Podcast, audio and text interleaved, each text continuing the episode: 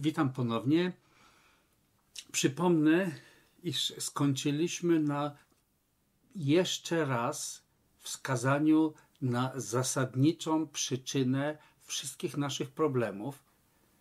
Tą przyczyną jest takie, wydawałoby się takie naturalne, takie wrodzone poczucie ja chcę być szczęśliwy.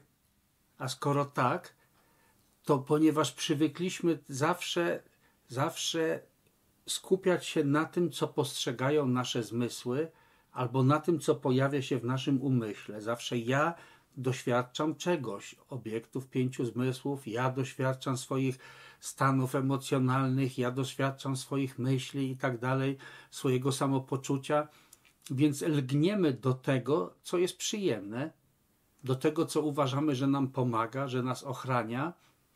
Chcemy odsunąć to, co przynosi nam nieprzyjemne doświadczenia.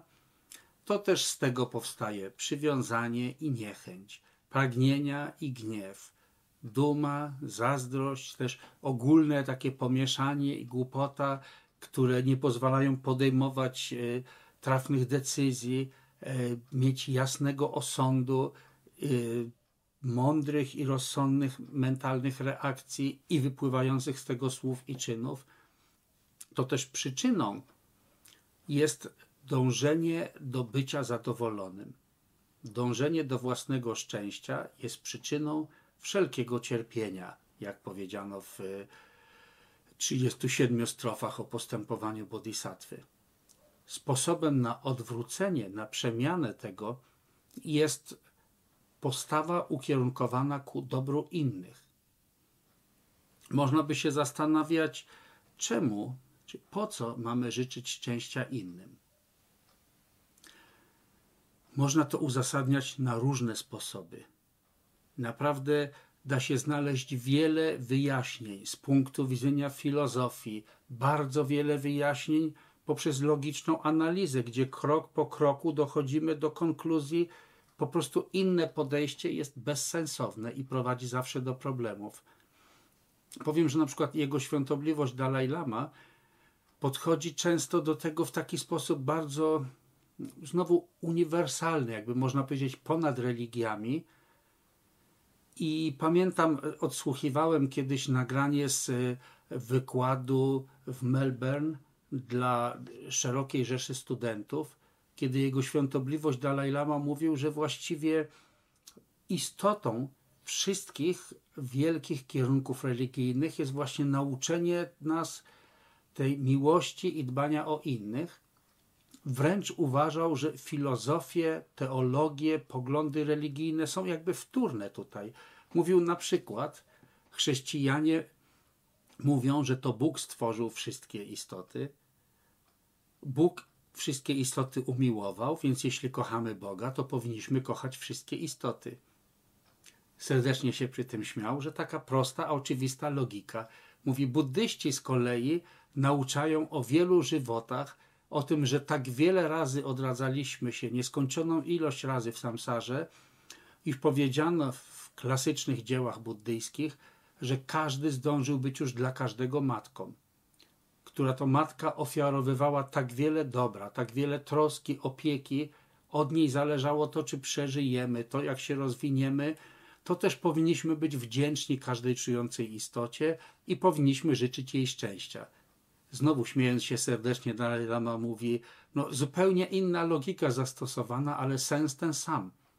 Odwrócenie tego egoistycznego spoglądania tylko na siebie i własne szczęście i spojrzenie z troską na innych. Tutaj, jeśli trzymać się tradycji buddyjskiej, można znaleźć też rozmaite uzasadnienia. Jedno z nich jest na przykład proste. Jeżeli ktoś posiada zaufanie do nauk o wrodzonej naturze Buddy, to że w prawdziwej naturze każda istota w tym ostatecznym sensie ma naturę Buddy, czyli naturę szczęśliwości, ale nie wiedząc o tym, jest w pomieszaniu Myśli, że osiągnie szczęście opierając się na zewnętrznych zjawiskach, lgnąc do pewnych zjawisk, a odrzucając inne. I z tego powodu wszystkie istoty zupełnie niepotrzebnie wciąż wykonują tak wiele wysiłków, szamocą się, można powiedzieć, e, w samsarze, a w efekcie ciągle i ciągle powraca do nich cierpienie i brak satysfakcji, ale z natury należy im się bycie szczęśliwymi. Jeśli to się doceni, jeśli to się zrozumie, to naturalną konsekwencją jest to, że życzy się, aby każdy faktycznie tego doświadczał. Tego rodzaju postawa, której życzymy, żeby wszyscy mieli szczęście oraz przyczyny szczęścia, nazywana jest w języku palijskim metta, w sanskrycie maitri, po tybetańsku djampa. Jak widać, za każdym razem bardzo krótkie, bardzo krótki wyraz maitri, djampa. Po polsku nie znaleźliśmy na razie dobrego słowa, które by tę postawę oddawało. Najczęściej stosujemy taką kalkę z angielskiego loving kindness i robimy z tego miłująca dobroć. Choć próbowaliśmy nazywać to miłością, ale wielu ludziom miłość kojarzy się z pragnieniem innej osoby. Próbowaliśmy nazywać to samą dobrocią. Niektórzy mówią, a że dobroć to się kojarzy z takim, z takim bezsilnym, taki dobrotliwy, to znaczy taki, że daje sobie wszystkim wchodzić, na, żeby wszyscy mu wchodzili na głowę i nic z tym nie potrafi zrobić. Takie zgłaszali znajomi zastrzeżenia. I jakiekolwiek byśmy nie, nie wybierali słowo, każde z nich niesie ze sobą pewne skojarzenia, więc na razie ciągle trzymamy się tej miłującej dobroci albo życzliwości, ale znowu każde z nich nie jest dokładnie tym, co oznaczałoby taką głęboką postawę, w której bardzo szczerze i, i w pełni życzymy, żeby inni mieli szczęście, zarówno doczesne szczęście, ale przede wszystkim tą ostateczną szczęśliwość i żeby byli pełni przyczyn szczęścia. Przyczynami szczęścia są pozytywne działania. Ich przyczynami są dobre, czyste motywacje, brak niewiedzy i emocjonalnego pomieszania. To jest postawa, która nazywa się miłującą dobrocią. Ja sam zaczynałem swoją, swoje spotkanie z buddyzmem od e, zaznajomienia się przez e, niedługo, rok czy dwa, e, z tradycją Theravady i pamiętam, że każdą praktykę wówczas rozpoczynaliśmy dokładnie od tego życzenia, aby wszystkie istoty osiągnęły szczęście i przyczyny szczęścia. Nazywało się to metta bhavana, taka medytacja, w której wzbudzało się w sobie miłującą dobroć. W buddyzmie Mahajany jest to jeszcze bardziej podkreślane. Jest to jeszcze bardziej istotne, uważa się to za podstawę wszystkich innych dobrych właściwości. Istnieją takie teksty, które wyjaśniają, że jeżeli naprawdę chcemy sami osiągnąć szczęście, to nie ma innego, lepszego sposobu nad życzenie innym szczęścia, nad maitri, nad tą miłującą dobroć. Jeżeli sami chcemy uwolnić siebie od trosk i kłopotów, nie ma bardziej efektywnej i głębokiej metody niż rozwinięcie w sobie maitri. Jeżeli chcemy naprawdę innym pomóc w pokonaniu trudności, to nie ma lepszej metody niż maitri, niż życzenie im szczęścia. Jeżeli chcemy naprawdę przynieść im prawdziwe szczęście, nie ma lepszej i głębszej metody niż maitri, a więc zarówno dobre dla nas, jak i dla innych. Dlatego warto być tego świadomym i pamiętać, że jest to metoda, która można powiedzieć, akurat ona, wyrwana nawet z całego kontekstu nauk buddyjskich, i tak jest w najwyższym stopniu pomocna. Rozwinięcie takiej naturalnej, szczerej e, intencji, aby inni byli szczęśliwi. Zwykle, kiedy opisuje się Maitri, używa się takich najbardziej prostych i oczywistych przykładów, jak powiedzmy przykład matki, która kocha swoje dziecko, tak, że dobro dziecka jest dla niej zwykle nawet ważniejsze niż własne dobro. Są to takie oczywiste i proste przykłady, których myślę, że większość z nas y, była świadkiem naocznym niejednokrotnie. Powiedzmy, kiedy matka ma na przykład jakieś y, specjalne jedzenie, nikogo nie dziwi w tym świecie. Jest to takie zupełnie naturalne, że najlepsze kąski daje najpierw dziecku. I jeśli jest to matka, która normalny, w normalny sposób, no bo niestety wiemy, że istnieją też przypadki różnych zaburzeń emocjonalnych, ale kiedy jest to normalna matka, która kocha swoje dziecko, to nie robi tego z jakimś poczuciem własnej straty i własnego nieszczęścia, tylko nagrodą dla niej jest po prostu szczęście i radość dziecka. Robi to tak po prostu, bo szczęście dziecka jest dla niej najważniejsze, a sama zje być może te resztki, którego dziecko nie doje. Albo kiedy przychodzi do jakiegoś wyboru, mogłaby iść w jakieś miejsce, na jakieś spotkanie, które przyniosłoby jej dużo radości, a w tym czasie, no nie wiem, przychodzi mi do głowy przykład, dziecko ma wystąpić na jakiejś akademii w szkole po raz pierwszy i byłoby nieszczęśliwe, gdyby matka tam się nie pojawiła. Matka wie, że dziecko będzie szczęśliwe, jeśli mamusia przyjdzie. Dla, normalnie dla matki tu nie ma pytania. Jest oczywiste, że dobro, dziecko, dobro dziecka zwycięża, a swoje własne przyjemności odłoży na później, jeśli, jeśli nie będzie musiała nawet w ogóle zrezygnować. To jest taki prosty przykład miłującej dobroci, którą obserwujemy często w życiu. Taki rodzaj miłującej dobroci jest dosyć powszechny wśród ludzi i nie tylko. Nawet drapieżne zwierzęta, które na przykład żyją z tego, że zabijają inne, często zjadają żywcem inne zwierzęta dla swojego własnego potomstwa, też mają taki rodzaj e, miłującej dobroci.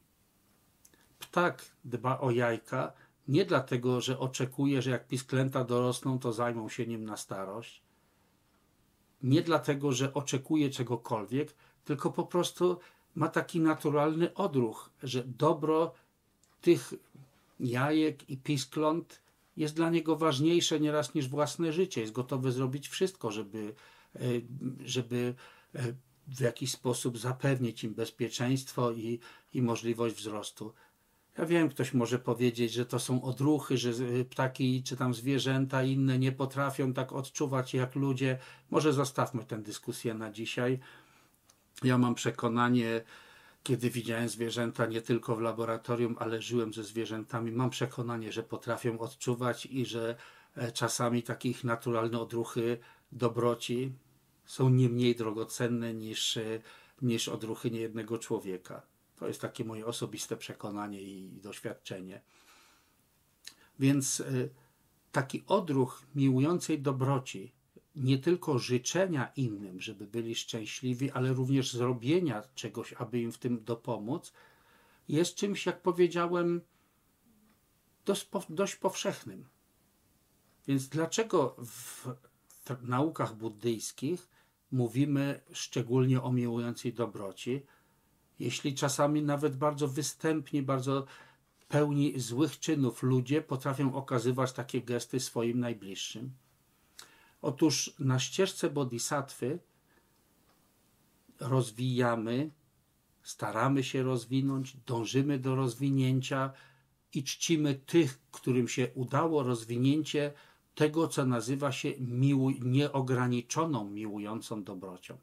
Nieograniczoną to jest taką, która nie rozdziela na bliskich, przyjaciół, tych, którzy są obojętni, tylko ponieważ rozumiemy, że każda czująca istota, każdy, kto ma umysł, ma wrodzoną naturę szczęśliwości, że każdy tak samo jak my chce być szczęśliwy, tylko nie wie, jak to zrobić. I niektórzy są szczególnie uwikłani emocjonalnie i w szczególnie głupi i niewłaściwy sposób myślą, że popełniając pewnego rodzaju negatywne czyny osiągną rezultat w postaci poczucia bezpieczeństwa, zaspokojenia, spełnienia swoich potrzeb, a ta podstawowa motywacja, która w nich y, tkwi, jest taka sama.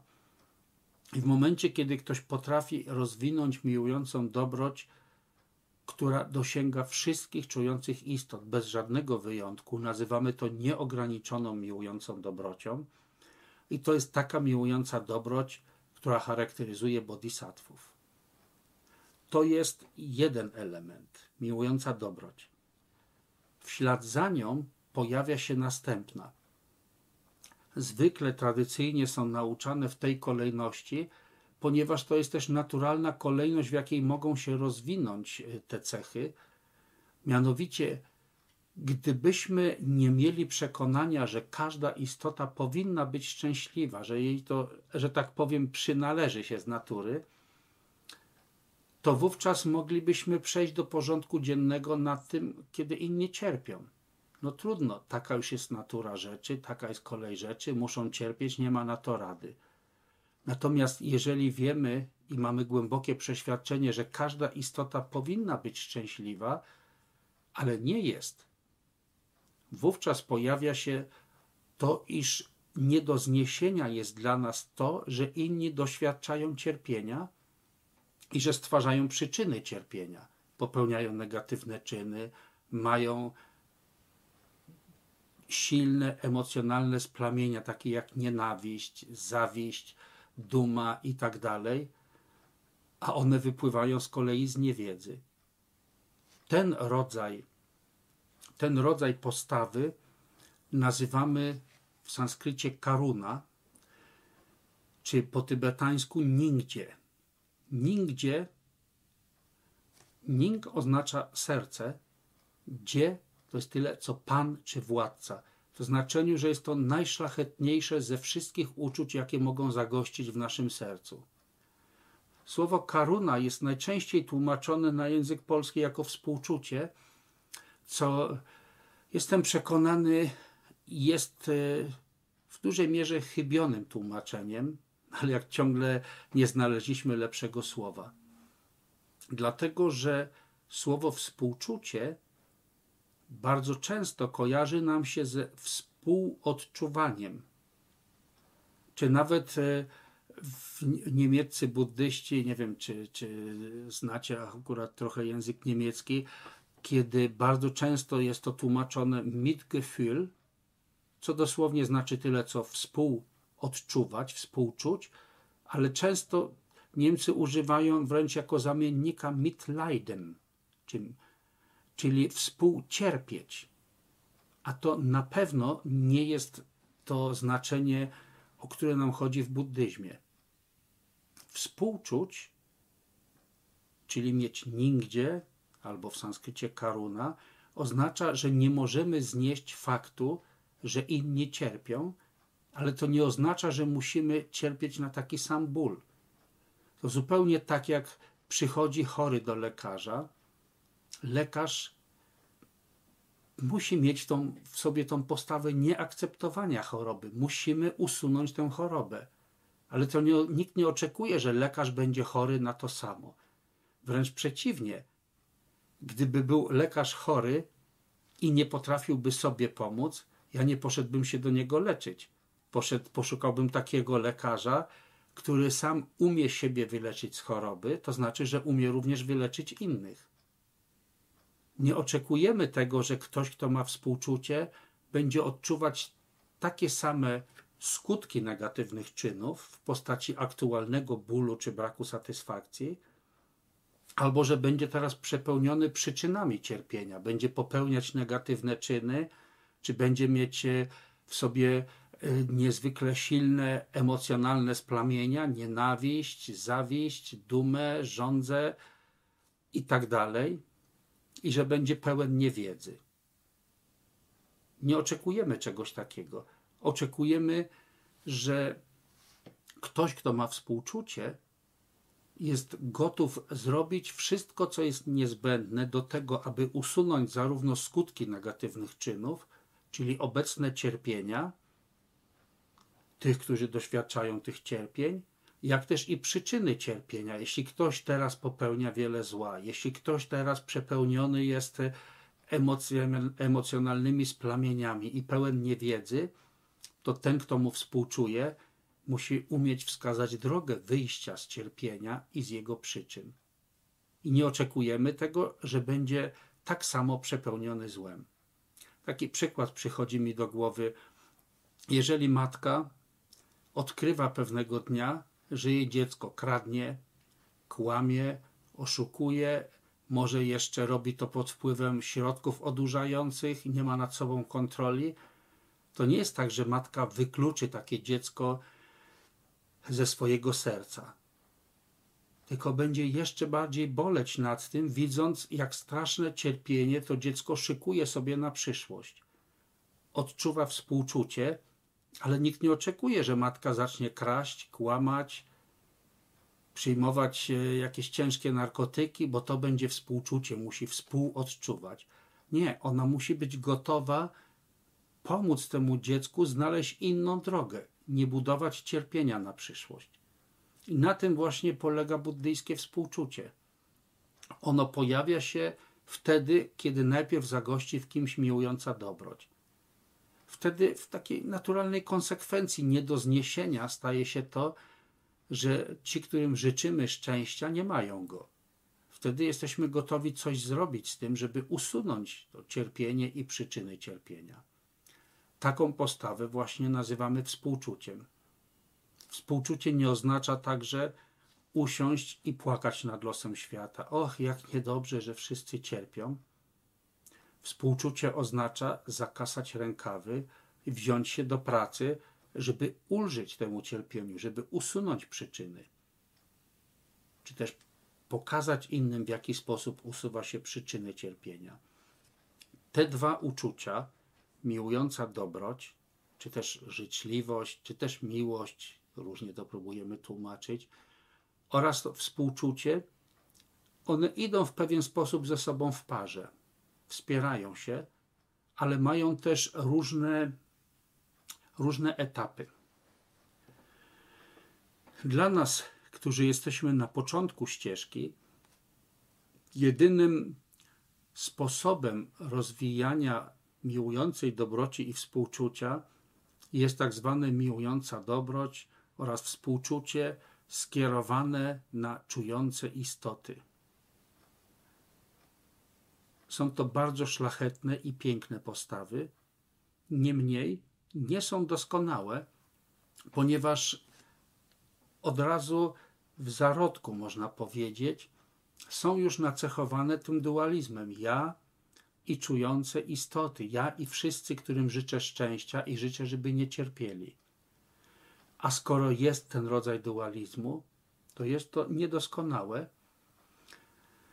chociażby dlatego, to jest kilka, jest bardzo wiele powodów, dla którego to jest niedoskonałe, ale można wskazać takie proste punkty. Niedoskonałe chociażby dlatego, że jeśli to ja pomagam innym, to automatycznie powstaje jeszcze pewne pole do oczekiwania. Ja pomagam innym, ale co z tego będę miał? Czy oni chociaż będą odczuwali wdzięczność, czy chociaż mi podziękują? Nawet jeśli sobie tego nie życzymy, to takie postawy mogą w nas powstać. Ja wiele razy słyszałem od y, ludzi, którzy nawet wiele lat zajmują się buddyzmem, takie utyskiwanie, no dobrze, tyle mam pomagać i nikt tego nawet nie doceni. I nikt mi nawet nie podziękuje. Jeżeli tak jest, to znaczy, że to nie jest jeszcze prawdziwa i szczera, miłująca dobroć, prawdziwe i szczere i głębokie współczucie.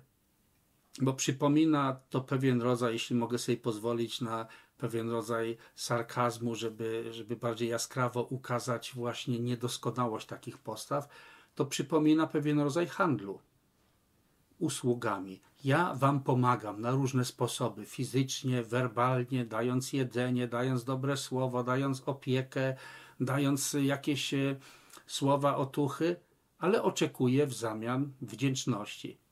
Pamiętam, jeden z lamów e, mówił wręcz kiedyś, że gdyby o to nam chodziło, żeby inni okazywali nam wdzięczność za to, że im pomagamy, to jest to rzeczywiście handel, i jeśli chcemy wdzięczności innych, żeby okazywali, to naprawdę jest to tylko kwestia pieniędzy. Jeżeli y, będziemy mieli dostateczną kwotę, możemy sobie kupić na przykład 100 ludzi, którzy będą nas otaczali codziennie, będą mówić, ach, jakiś jestem wspaniałym bodhisatwą.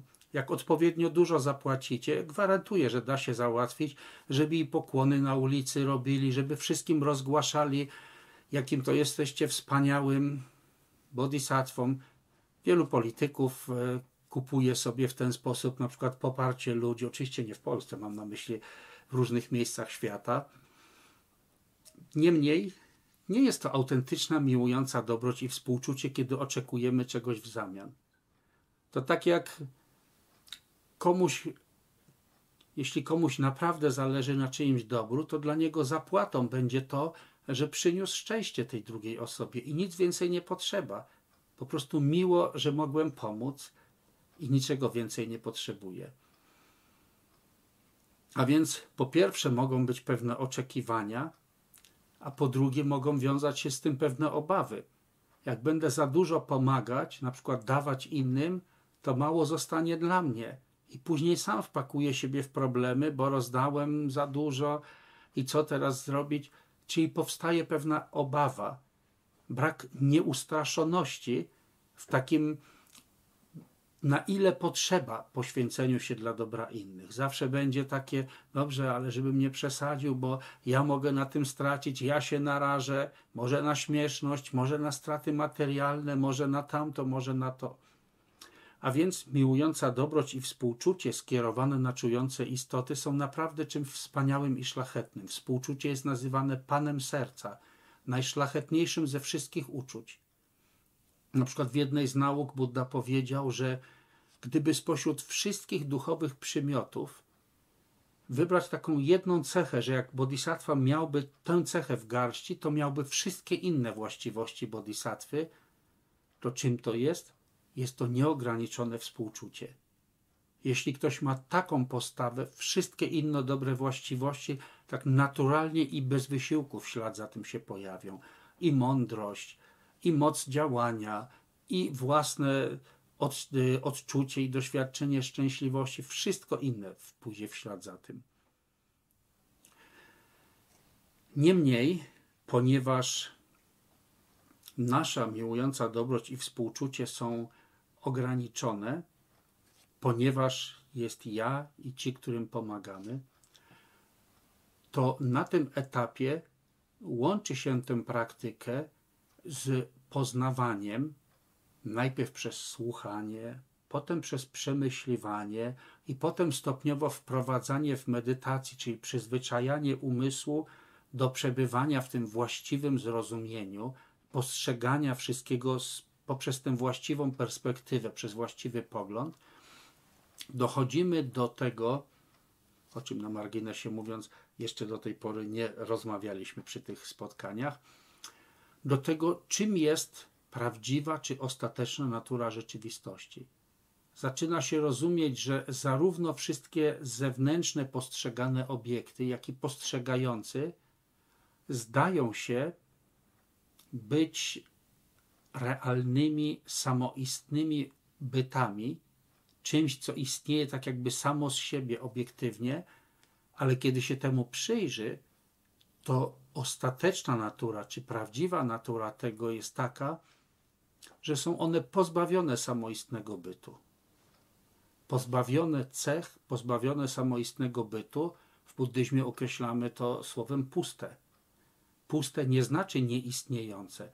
Puste to znaczy, że to, co się przejawia, jest pozbawione niezależnego od wszystkich innych przyczyn i warunków bytu, że jest coś samo w sobie, samo z siebie. Kiedy zrozumie się, że zarówno postrzegane obiekty, materia i czujące istoty, które w tym świecie żyją, że nie są odrębnymi, samoistnymi bytami, tylko przejawiają się poprzez splot przyczyn i warunków, przez współzależne uwarunkowanie, że również my, którzy postrzegamy, przejawiamy się w ten sposób, ale jest to jedynie prawda pozorna. Ostateczna prawda jest taka, że jest to pozbawione samoistnego bytu i w jednym z kolejnych spotkań, za, za kilka spotkań, tym tematem zajmiemy się z pewnością bardziej dokładnie. Analizą tego buddyjskiego poglądu o pustce, która jest wolna od skrajności istnienia i nieistnienia. Kiedy ten rodzaj zrozumienia pojawia nam się najpierw jako hagoła, czyli jako to intelektualne rozumienie, Potem, kiedy próbujemy zastosować to w praktyce i zaczniemy stopniowo dochodzić do doświadczenia, a w przyszłości do urzeczywistnienia tego, jakimi rzeczy są w swojej naturze, a nie tylko jakimi się przejawiają, to coraz bardziej dostrzeżemy, czy też potrafimy mieć podejście do e, wszystkich e, doświadczanych zjawisk, tak jakby były one senną iluzją, fatamorganą. Przy czym oczywiście niebezpieczeństwem byłoby popadnięcie tutaj w pogląd nihilistycznej pustki, w taką beztroskę, ach, skoro wszystko jest puste, to nie ma znaczenia, co robimy. Ten pogląd był przez Buddę uważany za dużo bardziej niebezpieczny, takie nihilistyczne zaprzeczanie wszystkiemu, za dużo bardziej niebezpieczne niż realistyczne lgnięcie do zjawisk, jakby były realnymi, samoistnymi bytami. Niemniej, kiedy mamy ten pogląd wolny od skrajności realizmu i nihilizmu, widzimy, jak wszystko się przejawia, będąc w istocie pustym, ale będąc pustym się przejawia. Kiedy zrozumiemy, że też pustka nie jest czymś innym od przejawienia się. Jak coś się nie przejawia, to nie ma sensu mówić o pustce tego. Pustka nie jest jakąś pramaterią, z której wszystko jest stworzone. To, co się przejawia, jest puste. Jak się nie przejawia, to nie ma też pustki. Pustka i przejawienie są nierozdzielne. Na wykładzie w Warszawie w 2000 roku jego świątobliwość Dalaj Lama porównał to do dwóch stron monety, które są po prostu dwoma stronami tej samej monety. Pustka i przejawienie są nierozdzielnie tym samym. Kiedy to się zrozumie, to coraz bardziej rozpuszcza się w nas ten koncept, to, to pojęcie, to poczucie ja jako odrębny, niezależny, samoistny byt i coś, co postrzegam jako odrębne, niezależne, samoistne. Kiedy ten rodzaj zrozumienia pustki się pojawia, to wówczas zmienia się także nasz sposób odczuwania miłującej dobroci i współczucia. Nie znika, tylko staje się innym rodzajem, innym poziomem. Po tybetańsku nazywa się to Ciela Mikte Ningdzie, co w dosłownym tłumaczeniu oznacza współczucie skupione na zjawiskach, ale to jest tylko skrótowa nazwa. Sens jest taki, że jest to współczucie, które wypływa ze zrozumienia prawdziwej natury zjawisk. Kiedy rozumie się pustą, iluzoryczną naturę tego, co się przejawia, wówczas rozumie się, że ja, odczucie ja jest tylko zbiorem określonych przyczyn i warunków. Wtedy jest to odczucie. Kiedy nie ma przyczyn i warunków, okazuje się, że ja samo w sobie nie jest jakimś odrębnym, samoistnym bytem. Kiedy się to staje doświadczeniem, a nie tylko intelektualnym rozważaniem, automatycznie pojawia się zupełnie inny rodzaj współczucia, bo znikają oczekiwania. Czego mam oczekiwać? Że jedna iluzja zmieni się w inną iluzję, że będę miał jakieś iluzoryczne pochwały czy podziękowania, znika lęk, że stracimy coś na tym. Współczucie coraz bardziej staje się nieustraszone, a jednocześnie nie znika, dlatego że widzi się bardzo wyraźnie, że mimo iż wszyscy inni, będąc w naturze Buddami, tkwią w złudzeniu pewnej odrębności siebie, innych zjawisk i myślą, że lgnąc do jednych iluzji, a odrzucając inne, że w ten sposób zbudują szczęście. Można powiedzieć też, że to pierwsze współczucie skupione na czujących istotach, ono bardziej skupia się na skutkach, którym jest doświadczany teraz ból i cierpienie. Ten drugi rodzaj, współczucie, które wypływa ze zrozumienia natury zjawisk, jest głębsze, bo sięga przede wszystkim do przyczyny.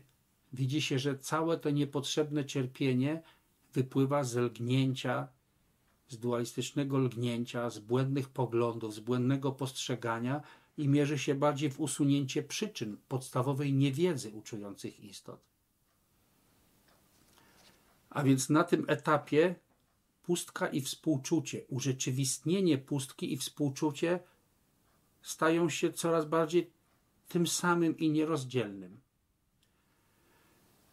Trzeba wiedzieć, że nie dojdziemy do urzeczywistnienia pustki, jeżeli wcześniej nie praktykowaliśmy tego dualistycznego współczucia skupionego na czujących istotach. Jak długo nie stanie się to takim przemożnym uczuciem, to pragnienie, żeby inni byli szczęśliwi, żeby byli wolni od cierpienia, tak długo, nawet jeśli potrafimy dyskutować i debatować na temat pustki i ostatecznej natury wszystkich zjawisk, w naszym konkretnym sposobie postrzegania i działania wciąż będzie mocno zakorzenione. Ja, ja, ja doświadczam, ja robię, co ja będę z tego miał. Dopiero dzięki miłującej dobroci i współczuciu to nasze kurczowe lgnięcie do poczucia ja, ja muszę być szczęśliwy, ja muszę z tego coś mieć, ono rozluźnia się dzięki temu, że dbamy o dobro innych. Rozluźnia się i dopiero wtedy będziemy w stanie doświadczyć pustej natury własnego ja. Dlatego wielki indyjski mistrz Atisha, kiedy został zaproszony do Tybetu w XI wieku, kiedy zobaczył, jak wiele nieporozumień było wtedy i błędnego rozumienia darmy w Tybecie, wypowiedział sławne słowa oświecenie bez współczucia, chyba tylko wy, Tybetańczycy, słyszeliście o czymś takim. W szlachetnym kraju, znaczy w Indiach, z których pochodziły nauki Bundy, nigdy o czymś takim nie słyszano. Czy Chabdzietenga Rinpoche na przykład mawiał, że ile razy będziecie mieli przekonanie, że macie, że urzeczywistniliście czy zrozumieliście pustkę, a nie towarzyszy temu takie przemożne współczucie, takie przemożne znaczy takie nie do wytrzymania, które pcha nas do tego, żeby zrobić coś dla dobra czujących istot.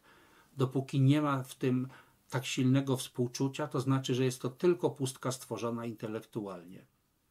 Pustka i współczucie są nierozdzielnie tym samym. Jako początkujący rozwijamy miłującą dobroć, kontemplujemy naturę zjawisk, pustą, iluzoryczną naturę zjawisk.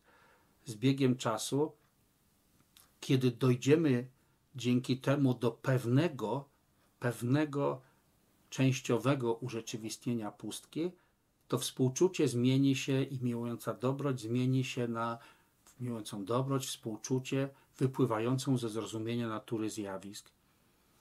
Kiedy to będzie się dalej rozwijać, dojdzie się do pełnego urzeczywistnienia ostatecznej natury zjawisk i wtedy przemienia się również miłująca dobroć i współczucie. Przemienia się na tak zwane współczucie bez obiektu.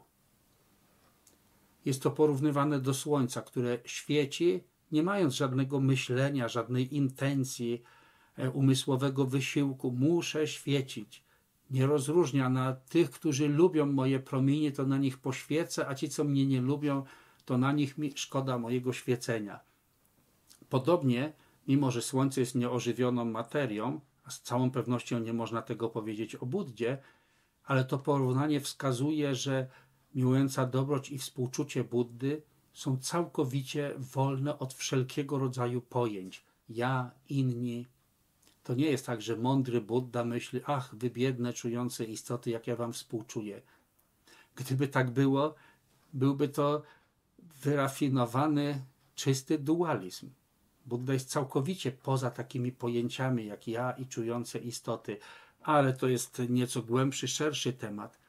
Chciałem tylko przez to pokazać, jak bardzo ważne jest miłująca dobroć i współczucie w kontekście urzeczywistnienia ostatecznej czy prawdziwej natury zjawisk, współczucie i pustka jako nierozdzielne. Niemniej zrozumieć pustkę w sposób, który nie będzie szkodliwy, bo to nihilistyczne podejście, które prowadzi do beztroski, jest niezwykle szkodliwe. Prawdziwe, właściwe zrozumienie pustki jest czymś bardzo trudnym.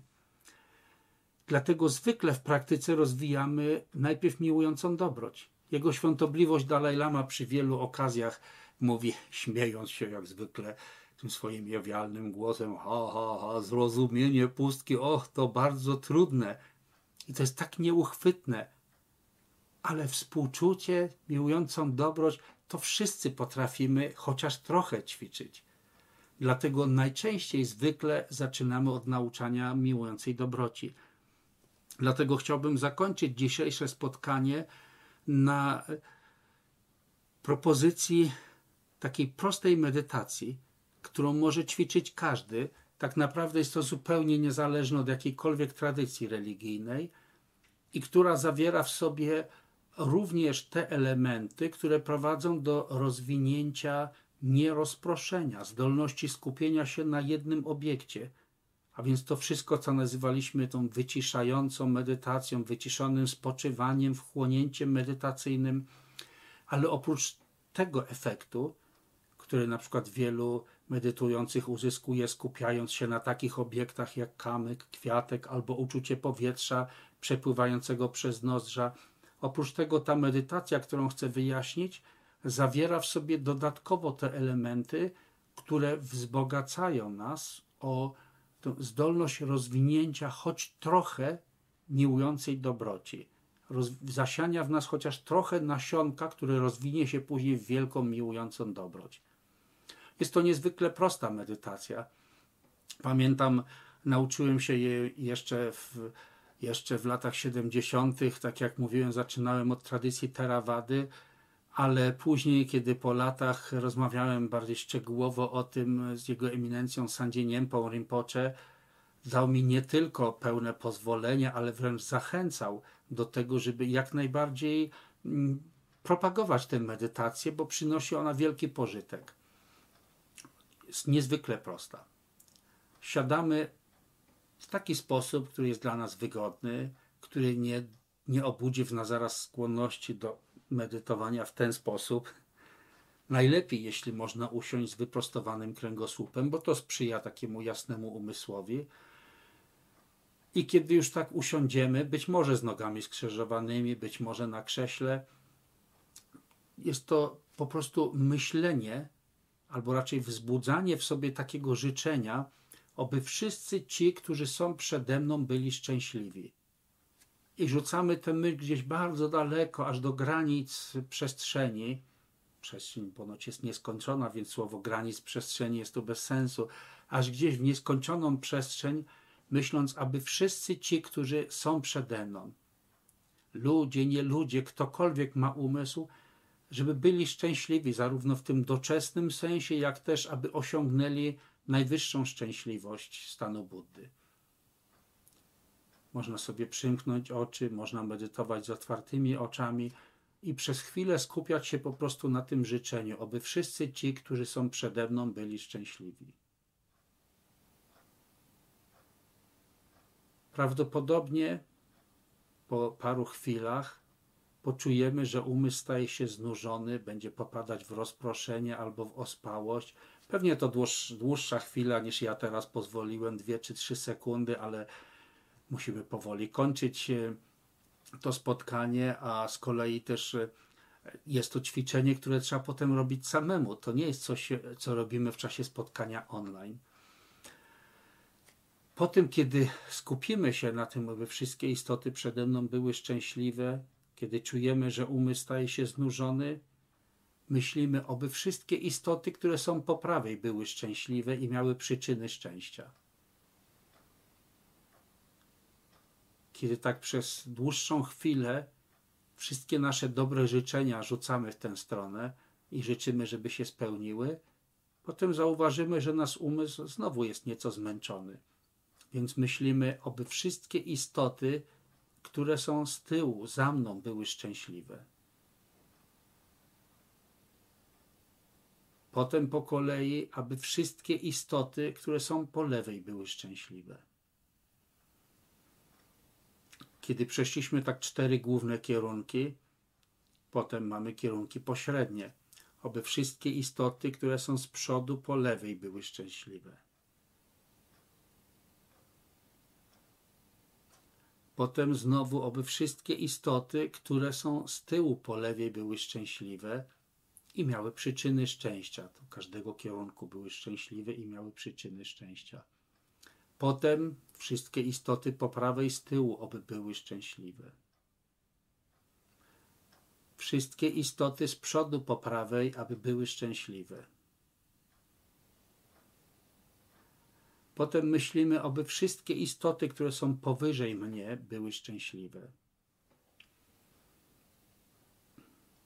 I na koniec wszystkie istoty poniżej, aby osiągnęły szczęście i przyczyny szczęścia. I podsumowując to, myślimy, oby zawsze i wszędzie, we wszystkich miejscach i we wszystkich czasach, wszystkie istoty były szczęśliwe i wysyłamy we wszystkie strony tego rodzaju dobre życzenia. Taka medytacja zwykle trwa kilka czy kilkanaście minut. Jeżeli ktoś chciałby być bardzo gorliwy, to może to ćwiczenie powtarzać ileś razy dziennie, niekoniecznie w jakiejś formalnej sesji medytacyjnej. Na przykład w czasie krótkiej przerwy na herbatę, w czasie pracy, na spacerze, idąc w różnych sytuacjach. Rozwinie to w nas zarówno tę zdolność skupienia się na jednym, na jednej myśli, jak i zasieje te pozytywne nasionka, które rozwiną się w przyszłości w wielką, miłującą dobroć i przestanie, przestanie to być wtedy tylko dobrymi życzeniami, ale będziemy w stanie przemienić to w nasze działania.